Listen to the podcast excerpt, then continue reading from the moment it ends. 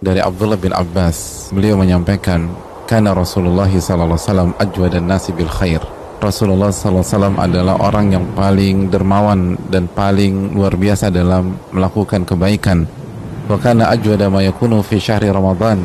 Dan kedermawan beliau berada di titik puncak itu ketika di bulan Ramadan. Karena Rasulullah ajwada bil khairi min rihil mursalah.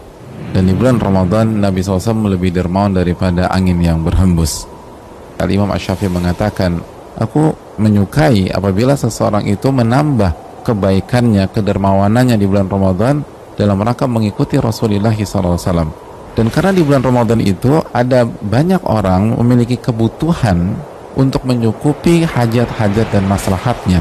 Karena sebagian manusia, kata Imam Syafi'i, di bulan Ramadan benar-benar sibuk dengan sholat, dengan puasa, dengan ibadah, sehingga mereka memangkas waktu mencari nafkah mereka.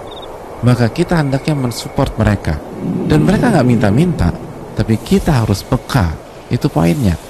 Oleh karena bulan Ramadan hendaknya kita sebagai seorang muslim punya pola yang berbeda. Dan itu yang dilakukan oleh para ulama kita